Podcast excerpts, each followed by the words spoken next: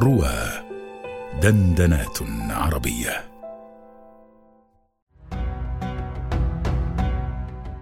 آيات وأبيات مع الأستاذ أبي قيس محمد رشيد على رواه.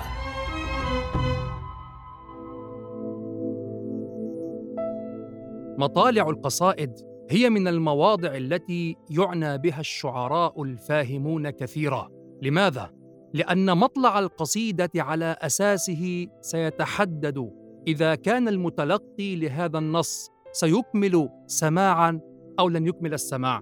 وكذلك يراعون في مطالع القصائد ألا تكون محتملة لعدد من المعاني. لأن العبارة إذا جاءت في أثناء الكلام محتملة في ذاتها لعدد من المعاني فإن سياق الكلام الذي يسبقها يحدد أحد هذه المعاني ويرجحه. أما العبارة الأولى فلا يصح فيها الاحتمال وإلا كان ذلك اخلالا بأصل البيان.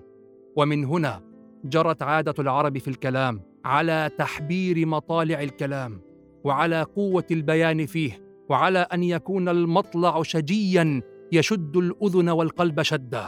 تأملوا من صور ذلك أنهم يسألون بالسؤال على غير ظاهره.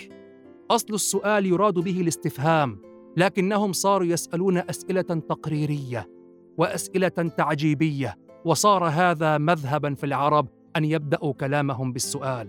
انظروا إلى أبي ذؤيب الهذلي يرثي نفسه ويرثي أولاده وإنما قلت يرثي نفسه لأنه يتحزن ورثى نفسه بالفعل في هذه القصيدة. حينما مات أولاده الخمسة في الطاعون فأنشد يقول أمن المنون وريبها تتوجع والدهر ليس بمعتب من يجزع. وهذا في الجاهلية عنتره العبسي. يقول هل غادر الشعراء من متردم؟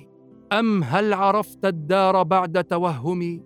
وهذا زهير بن أبي سلمى يقول لمن طلل برامة لا يريم. فهذه أسئلة يسألها الشعراء يحبرون بها المطالع لا يريدون بها ظاهر السؤال. جاءت المطالع القرآنية على هذا النهج.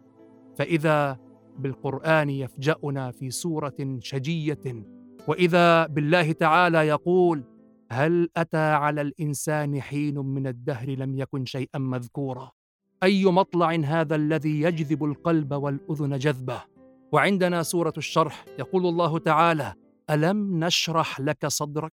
ليس على ظاهر هذا السؤال قد شرح الله صدره. سؤال تقريري.